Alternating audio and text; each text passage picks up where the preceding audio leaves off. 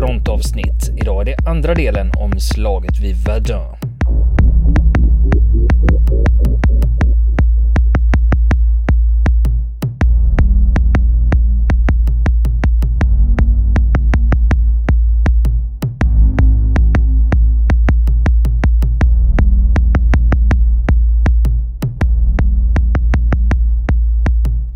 Kommer in i berättelsen har tyskarna inlett anfallet den 21 februari 1916 mot fransmännen. Nu är vi framme vid den 25 februari och tyskarna har precis utan strid tagit det största fortet vid Verdun, fortet Douaumont. Och det här blir ju naturligtvis en stor propagandaseger i Tyskland. Tidningarna fylls av nyheter om att det stora fortet har erövrats. Och kyrkklockor ringer och det är allmän eh, eufori då. Man utnyttjar det här max till max ungefär som en eh, landskamp i fotboll. Ungefär för att höja, höja moralen på hemmaplan där. Och eh, sen efter den här erövringen då så kör eh, den tyska offensiven, den första tyska offensiven ganska snabbt fast väster om fortet på vägen mot Verdun. Eh, där pågår hårda strider under lång tid framöver. Och i de här striderna under de närmaste dagarna utanför fortet Daumont så faller en svårt sårad fransk kapten i tyskarnas händer och kommer sitta som fånge resten av kriget. Vad kan han ha hetat? Dreyfus? Nej, inte Dreyfus. aja, Men Charles de Gaulle däremot. Var han, så, så Charles, Charles de Gaulle och Petain var med där? Charles de Gaulle och Petain var med i samma drabbning. Var de. Vilka andra kändisar var det? det? Det kommer vi till i slutet för det finns en hel del kändisar som var med vid just det här slaget. Och i samband då med att fortet Domont faller så får Petain ansvaret för hela Verdun-avsnittet formellt då, av eh, general Joffre som är den franske överbefälhavaren. Säg till dem att nu ska, du ska försvara det här området, kosta vad det kosta vill. Verdun får inte falla i fiendens händer. Han är ju den försvarsspecialist han är. Så att han vidtar en massa åtgärder snabbt som kommer att bidra till att Verdun förblir i franska händer och att eh, tyskarna under de följande tio månaderna inte kommer att eh, uppnå sina mål. För det första då så koncentrerar han artilleriet på ett väldigt smart sätt som gör att de kan skjuta mot varje tyskt anfall. Han ger dem fria händer, artilleriet också, för de har full fri sikt mot de tyska anfallsvägarna. Och eh, kan skjuta mot dem i flanken. Så, så, så orden är, mm. om ni ser dem så öppnar ni eld? Yes, du, Precis. Ni behöver inte kontakta ni behöver mig inte, för att uh, bekräfta orden. Exakt, ni behöver inte fråga om lov utan skjut bara. Han eh, ser till att effektivisera underhållet. För det, man inser att här behövs det mycket ammunition om vi ska klara att stoppa tyskarna. Och naturligtvis mycket mat för att, att hålla dem vid liv också. Och från Verdun så går det bara en enda väg. En huvudväg till Paris. Och den här vägen, det är 26 mil lång, den får under, redan under kriget namnet den heliga vägen, La Voie Sacrée. För att det blir navelsträngen, livlinan för försvararna vid Verdun. Och här går alltså dag och natt en ändlös ström av fordon. Motorfordon, konfiskerade lastbilar eh, från hela Frankrike. Fullastade med granater, och mat och annat som behövs eh, för försvaret av idag. Och de går nästan kofångare vid kofångare på den här vägen då. Och så fort får en bil motorstopp eller krångel så vräker man den bara av vägen för att inte hindra den övriga trafiken. För att den ska rulla oavbrutet hela tiden. Trupperna, förstärkningarna som är på väg till Verdun, de får marschera på fälten bredvid vägen för att inte störa den här trafiken. Och man räknar med alltså att under de första tiden av slaget, redan då, bara så man förstår, för logistik är intressant, vilken enorm apparat det handlar om, så för man in 1200 ton förnödenheter per dag på 3000 fordon. Varje dag. Och senare då under slaget, under senare delen så har man konfiskerat och satt in ännu fler fordon. Då är man uppe på 12 000 fordon Och ännu mer då i förhållande till det då tonnage med förnödenheter som ska in i fästningen. Men på den här tiden, det gick väl att köra den här eh, hyfsat eh, skyddad från angrepp från fienden. För mm. i andra senare krig när man har utvecklat flygvapen och mm. Eh, den möjligheten att anfalla, då slog man ofta, nu pratar jag mm. om andra världskriget, ja, just man kunde slå ut försörjningslinjer. Absolut. Men här gick ju inte det. Nej, av någon märklig anledning så, så gjorde man inte det. Man satsade inte så hårt på det som man kanske borde ha gjort. Till exempel kanske genom en flankerande anfall för att uh, kunna komma åt försörjningsleden eller, eller helt enkelt sätta in artilleriet mot just försörjningsledarna. Det gjorde man inte på den tyska sidan. Man satte in det på befästningar och skyttegravar som man skulle ta istället. Så det får man väl kalla för ett missgrepp i sammanhanget. För man hade artilleri med räckvidd att skjuta bortom Verdun. Det hade man på den tiden också. En annan sak som man satte in som är minst lika viktig och som kom att bidra till att Verdun blev en symbol som Frankrike har enats om, en nationell symbol. Det är ett rotationssystem för trupperna som man satte in. För att han insåg att striderna är så hårda att vi behöver friska, utvilade trupper hela tiden. Så då bestämde man att ja, de får bara vara tre veckor vid fronten. En vecka i främsta linjen. En vecka i beredskap strax bakom fronten och en vecka i reserv. Sen skickar vi bort dem och tar in nästa division. Och så höll man på då, den här rotationssystemet. Man kallar för paternostersystemet efter, eh, efter eh, den här verket. verket ja, precis då. Men var det någon annan sida mm. som också anammade det här systemet? Med att rotera soldater? Ja, det gjorde man eh, så småningom i vissa olika länder fast det var aldrig, sattes aldrig i system på samma sätt som det gjordes eh, vid Verdun av Petain. Och det här innebar då att i och med att man hela tiden avlöste så många divisioner så var det divisioner och soldater från hela Frankrike som kom att någon gång vara vid Verdun. Totalt så räknar man med att 259 divisioner av sammanlagt 330 franska divisioner. Någon gång slogs vid Verdun. Vilket har bidragit till att det efteråt har blivit någonting som inte bara för en speciell trakt, liksom att det var soldater från en speciell trakt, utan här var det verkligen soldater från hela Frankrike. Som någon gång var vid Verdun. Och då måste det ju också innebära att det efter kriget mm. att alla kände någon mm. som hade varit vid Verdun. Ja, precis. Som hade varit vid eller som hade stupat vid Verdun. Exakt. Han ser också till då att man skaffar sig luftherravälde över Verdun. Franskt. Då man, man sätter in hela divisioner för att jaga tyska spaningsplan och så vidare. Och till slut så lyckas man liksom sopa himlen ren från tyskt flyg. Där, över, över området då, genom att um, man är helt enkelt överlägsna i luften där. Och det är den ena stora affären som händer där. Håll Dumont i minnet, vi återkommer till Dumont här om en liten stund. Gör vi för nästa stora sak då. Eller i alla fall kanske inte stora och stora men den har fått oproportionerligt stor betydelse i historieskrivningen. Eftersom det har eh, ja, en hjältehistoria och eh, om offervilja och fruktansvärt hårda strider. Det är nästa fort i linjen som faller. Det är ett mycket mindre fort som egentligen inte hade så stor militär betydelse. Det hade ännu mindre militär betydelse än vad det fortet Domont hade. Och det heter Fort Vaux, VAUX. Under de här striderna, så den 8 mars då, ungefär en liten tid efter att Dumont har fallit så har tyska trupper eh, tagit sig fram till den här byn Vaux som ligger eh, i närheten av Domont också. Och de står bara 250 meter från själva fortet. Men fransmännen de, de fortsätter att eh, försvara sig hårdnackat där och eh, den tyska arméledningen med Falkenhayn i spetsen då, generalen, missförstånd inträffar. Och de tror att det inte är byn som är erövrad utan fortet. Vå. Så då går man ut med en kungörelse om man nu att fortet har fallit.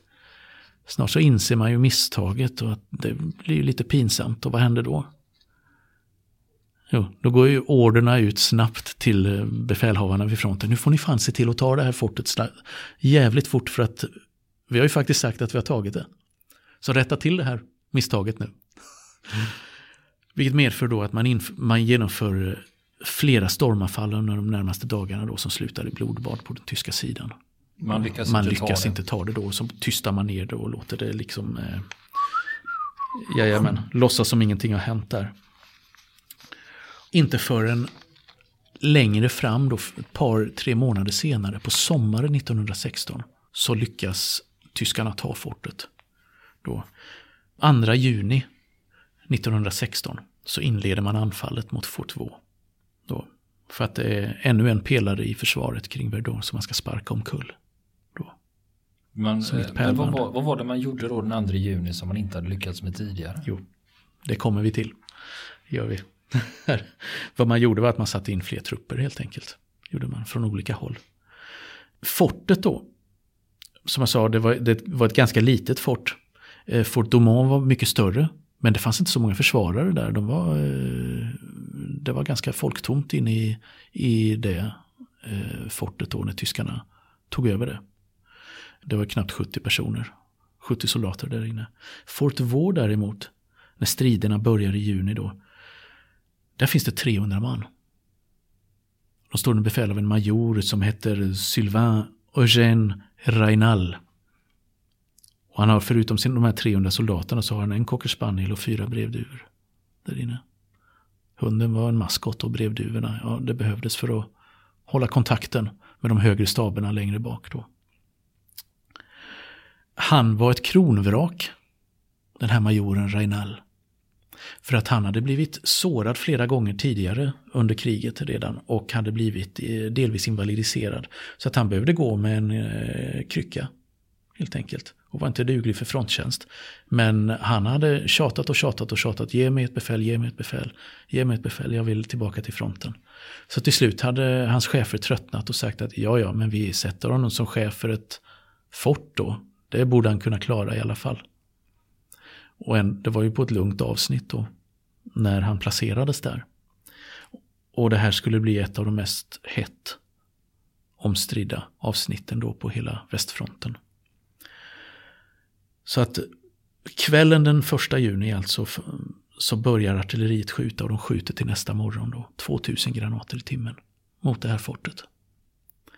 De förstör närförsvaret runt om, alltså de här skyttegravarna och kulsprutevärnen och taggtråden och det som skulle hindra, hindra tyskarna från att närma sig fortet då. Vid fyra tiden på morgonen så anfaller tre tyska regementen från olika håll. Och på eftermiddagen så är fortet helt isolerat från omvärlden. Man är en kilometer från fortet och eh, har lyckats manövrera sig fram till fortets döda vinkel, alltså där det inte finns några skottgluggar eller någon möjlighet för fienden att skjuta tillbaka. Efter att ha samlat sig där då, samlat ihop styrkorna en stund och pustat ut, så tar man nya tag och påbörjar själva stormningen då. Med granater och eldkastare så slår man ut kulspruteställningarna och, eh, runt om och eh, skottgluggarna i själva bunkeranläggningen då. Redan eh, ett par timmar senare vid fyra tiden så befinner sig de första tyska soldaterna på taket till det här fortet. Och vid det laget så har eh, de överlevande i närförsvaret runt om då dragit sig tillbaka in i fortet. Så istället för 300 soldater i den här lilla lilla befästningen så har han 600 soldater helt plötsligt där inne. Så det är oerhört trångt. Man organiserar, den här majoren Reinal, han organiserar febrilt försvaret inne i, för han vet nu, nu kommer det bli strider inne i, i själva fortet. Så att inne i de trånga gångarna, då, det är 1,70 i takhöjd och de är 1,2 meter breda.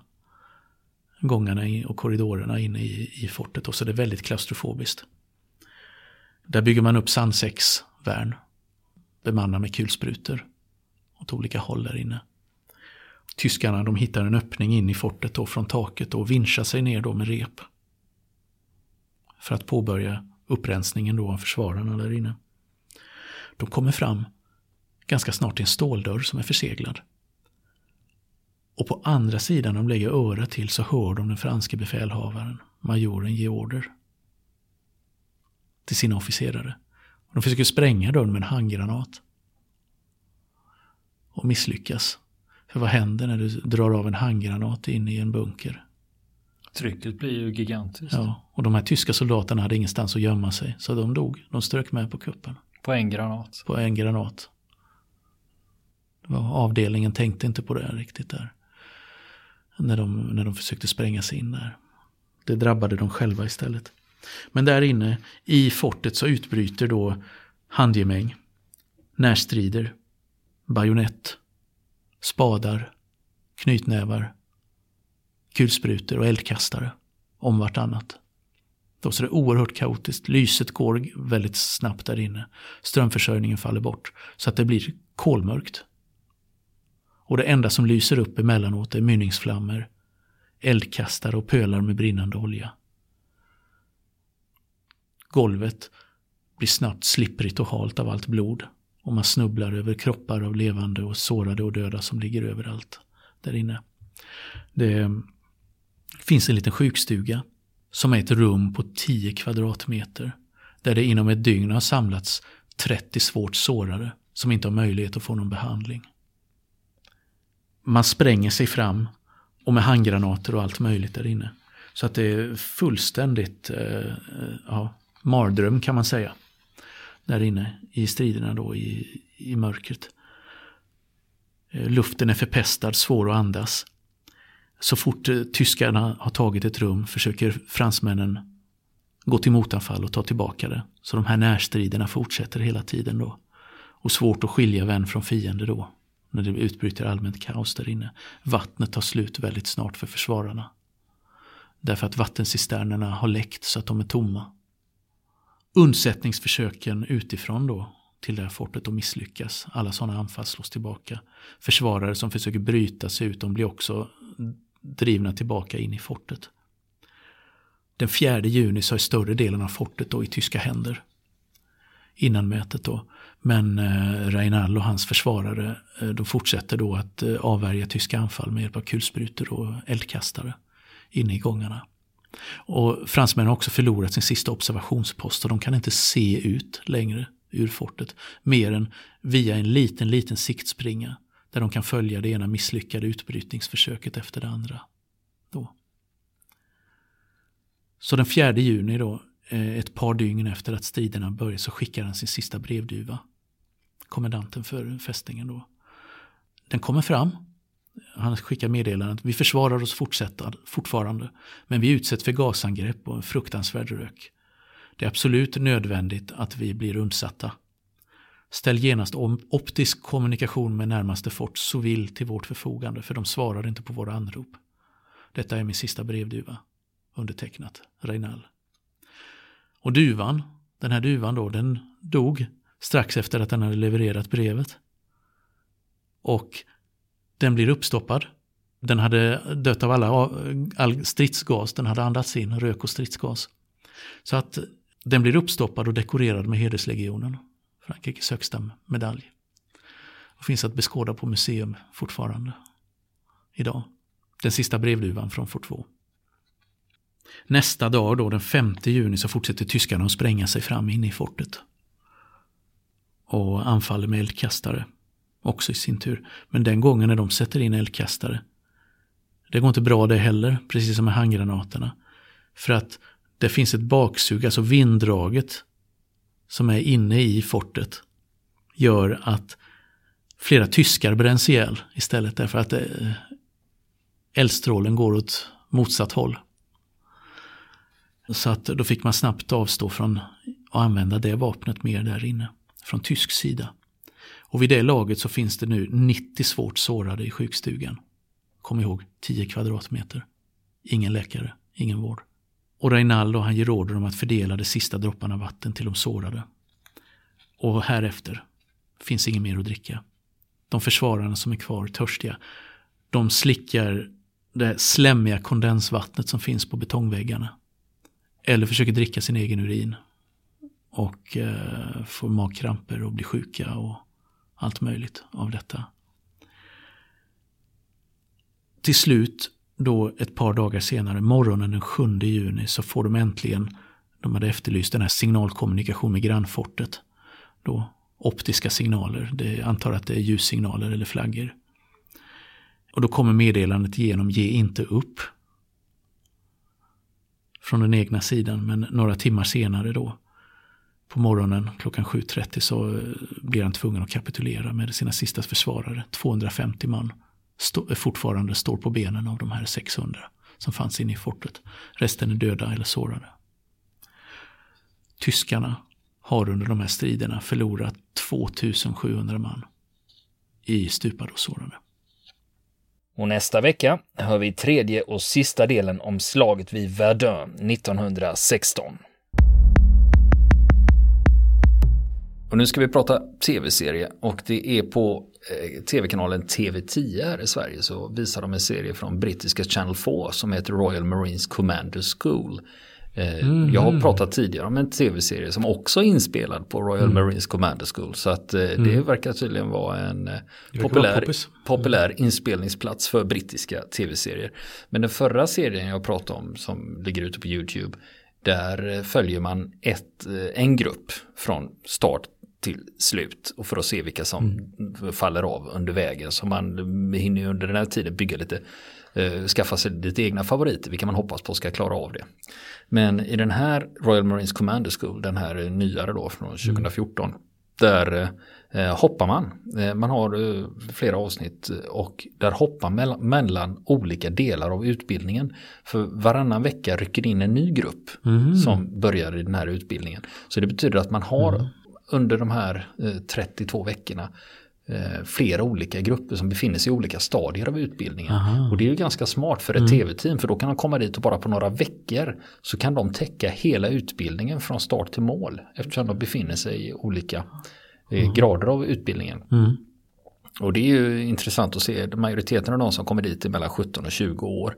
Även om mm. översta gränsen är då 33. Efter 33 så får du inte mm. söka till Eh, Royal mm. Marines Commander School längre då. Mm. Så det är ganska mycket unga killar som kommer dit då med helt olika bilder av vad, som, vad det här är för någonting. Många har ju en lite överromantiserad bild. Vad, mm. eh, det finns ett brittiskt ord som heter soldiering. Mm. Eh, det vill säga att man militärar. Ja, Eller jag vet inte, finns det något svenskt ord för det? Soldiering, det vill säga själva yrket, att när man soldatar. Ja, precis. Att vara soldat. Ja. ja, och de har ju olika bilder av det här. Ofta är det ju romantiserat och en kille som kommer dit från, han är egyptier egentligen. Hans eh, far har varit arméofficer och eh, han, så här, jag läste om det i en tidning, en sån här typ, eh, ja, nu är det inte, nu, Egypten har de väl inte slitt så café direkt. motsvarande tidning mm. att han tyckte det här verkar spännande. Och, men sen finns det en del av dem också som har, av de här grabbarna som har släkt som ju tjänstgör i, i Storbritanniens armé, flygvapen eller flotta då. Så det finns ofta någon, ibland finns det någon koppling då. Den här typen av serier kan man ju se på olika sätt beroende på vad det är man väljer att se. bland annat kan man ju titta rent på, de säger ju själva att detta är en av världens hårdaste militära utbildningar. Och då berättar de ju bland annat vad de ska klara av, hur långt de ska springa med packning, hur många kilometer, hur många, hur lång, så man kan ju mäta på det viset och själv göra sig en uppskattning om hur tufft det faktiskt är och sen också ser man ju hur de tillämpar disciplinen då, vad det är som krävs av dem och vad de förväntas uppnå på sina fysprov och hur snabbt ska man klara en hinderbana och liksom. Så det finns flera sådana här saker om man är intresserad av den delen. Men det mm. finns andra delar som är intressanta som faktiskt tas upp här. Och det är när man pratar om militarisering. Det vill säga mm. att hur får du en civilist att bli militär? Mm. Och det är ju någonting som alla militära förband mm. över hela världen ägnar sig åt. Att man tar civilister och hur gör du en soldat av en civil ja. person? Och, du i princip ska lära dig knyta skorna igen, liksom, ja, att du inte ens kan det, det på rätt sätt. När de får in rekryter där, det vi ska lära er det är, ni, ni ska lära er hur man pratar, hur mm. man går, hur man sitter, hur man sover, hur man mm. duschar hur du håller ordning på dina grejer. Så det är liksom allting mm. och det kan man också känna igen, både du och jag har gjort värnplikt. Mm. Och där, där genomgick ju vi en militarisering, mm. det vill säga när de skulle ta bort de civila elementen och istället lyfta in ja. Det militära Precis. synsättet, det militära mm. sättet att vara. Man mm. byter ju livsstil för den, i den militära, om man mm. jämför den militära och den civila världen, där i stort sett alla värden ställs på ända. Eh, till exempel det här med i den civila världen, det här med eget initiativ och man är självständig, det premieras ju i den civila världen, det är så vi förväntas mm. att vara, men i den militära världen så är det strikt hierarkiskt och du ska lyda order och du gör som du blir tillsagd. Mm. Och samma sak med våldsanvändning som det är no-no mm. i den civila världen, då hamnar du i fängelse. Mm. Men i den militära världen så är det ju våld man använder som maktmedel för att uppnå mm. det man vill. Det. Och om det inte funkar, då testar vi med en annan typ av våld eller också mer våld. Så på det viset är det ju många ja. fall upp och ner på vända världen. Ja, då, som, och det kan man också se i den här tv-serien mm. att uh, del av grabbarna där de har olika svårt att ta mm. till sig det här. Och nu är det också att det som finns i den här utbildningen som de genomgår den är ju frivillig. Mm. Så de kan ju när som helst säga jag vill inte mer, nu mm. slutar jag. Och där är också frågan om de ska göra det eller inte göra det för där blir det också. Mm. Och det leder mig in på nästa del som eh, jag tycker är intressant och det är det här med fysiskt och psyket. Vad du klarar av för saker. Vad tror du dig kunna klara av och vad klarar du faktiskt av? Mm. För om man ser två killar där, de har likvärdiga fysiska förutsättningar. Men en av dem klarar sig lite bättre och mm. når lite längre. Och det mm. är enbart psyket. Mm. Och jag är väldigt fascinerad av de här mekanismerna när med uthållighet, det vill säga vad man klarar av och inte klarar av. Och det är mm. också därför, det är ju inte bara den här typen av tv-serier som jag tittar på mm. eller läser böcker om, utan jag läser även böcker om till exempel eh, extrema strapatser med liksom. Everest-bestigningar och K2-bestigningar. Och se gärna dokumentärfilmer om det just när folk pressar sig till det yttersta när de är helt färdiga och helt slut och ändå behöver de ge de här 10 procenten extra för att nå upp till fjärde baslägret då. Just för det. annars dör du va? Precis. och, och, på samma sätt har du också det där att om du pressar dig för hårt, jag ska nå toppen idag till vilket pris som helst. Nej, klockan är 12, då måste vi vända om och gå ner ja, eh, till fjärde lägret för annars så dör vi. Men jag måste nå toppen och då är det liksom, då har psyket tagit över och det är ju samma sak när det gäller fysiska ansträngningar. Det kan vi ju se i den här mm. tv-serien när de ska springa en viss sträcka mm. på ett visst antal minuter med packning. Och en kille, det, det går inte för han bryter benet. Va? Men, mm. Så de får liksom övertala honom och oh, sluta då. Men, och det är just det där när psyket mm. går överstyr. Va? Ja, Att, precis. Men det, det, kan man också känna igen i, även i en del mm. vardagssituationer, hur man själv mm. lever och vad man själv gör. Nu menar jag att jag utsätter mig inte för några extrema extrema påfrestningar. Ja. Men det är ändå intressant att se var, var, var gränserna går. För andra. ja, precis. Ja. Men den är sevärd alltså? Ja, eh, du kan välja vad du vill se den eller om du vill se dem mm. ligga och panga med sina SA-80, är det de mm. gevären de har. Eller de karbinerna, eh, Bullpup-karbinerna de har, ligger mm. på.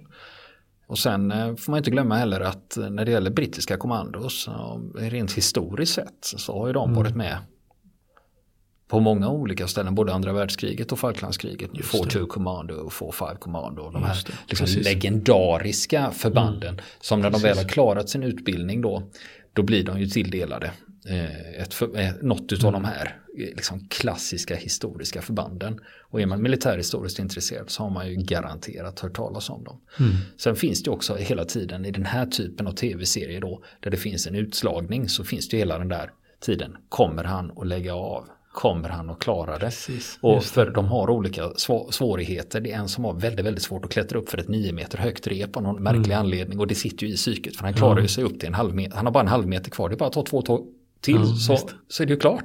Men han klarar inte av det. Och sen en som har fastnat på en hinderbana och liksom mm. lyckas inte ta den inom tidsgränsen.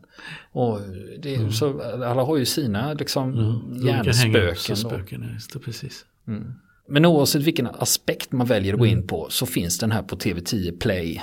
Mm. Den har legat där sedan mars förra året. Mm. Så jag vet, på datorn kan man väl titta på och sen har de TV10 en app också man kan titta på. Den, heter, mm. den är producerad av Channel 4 mm. och eh, den heter Royal Marines Commander School.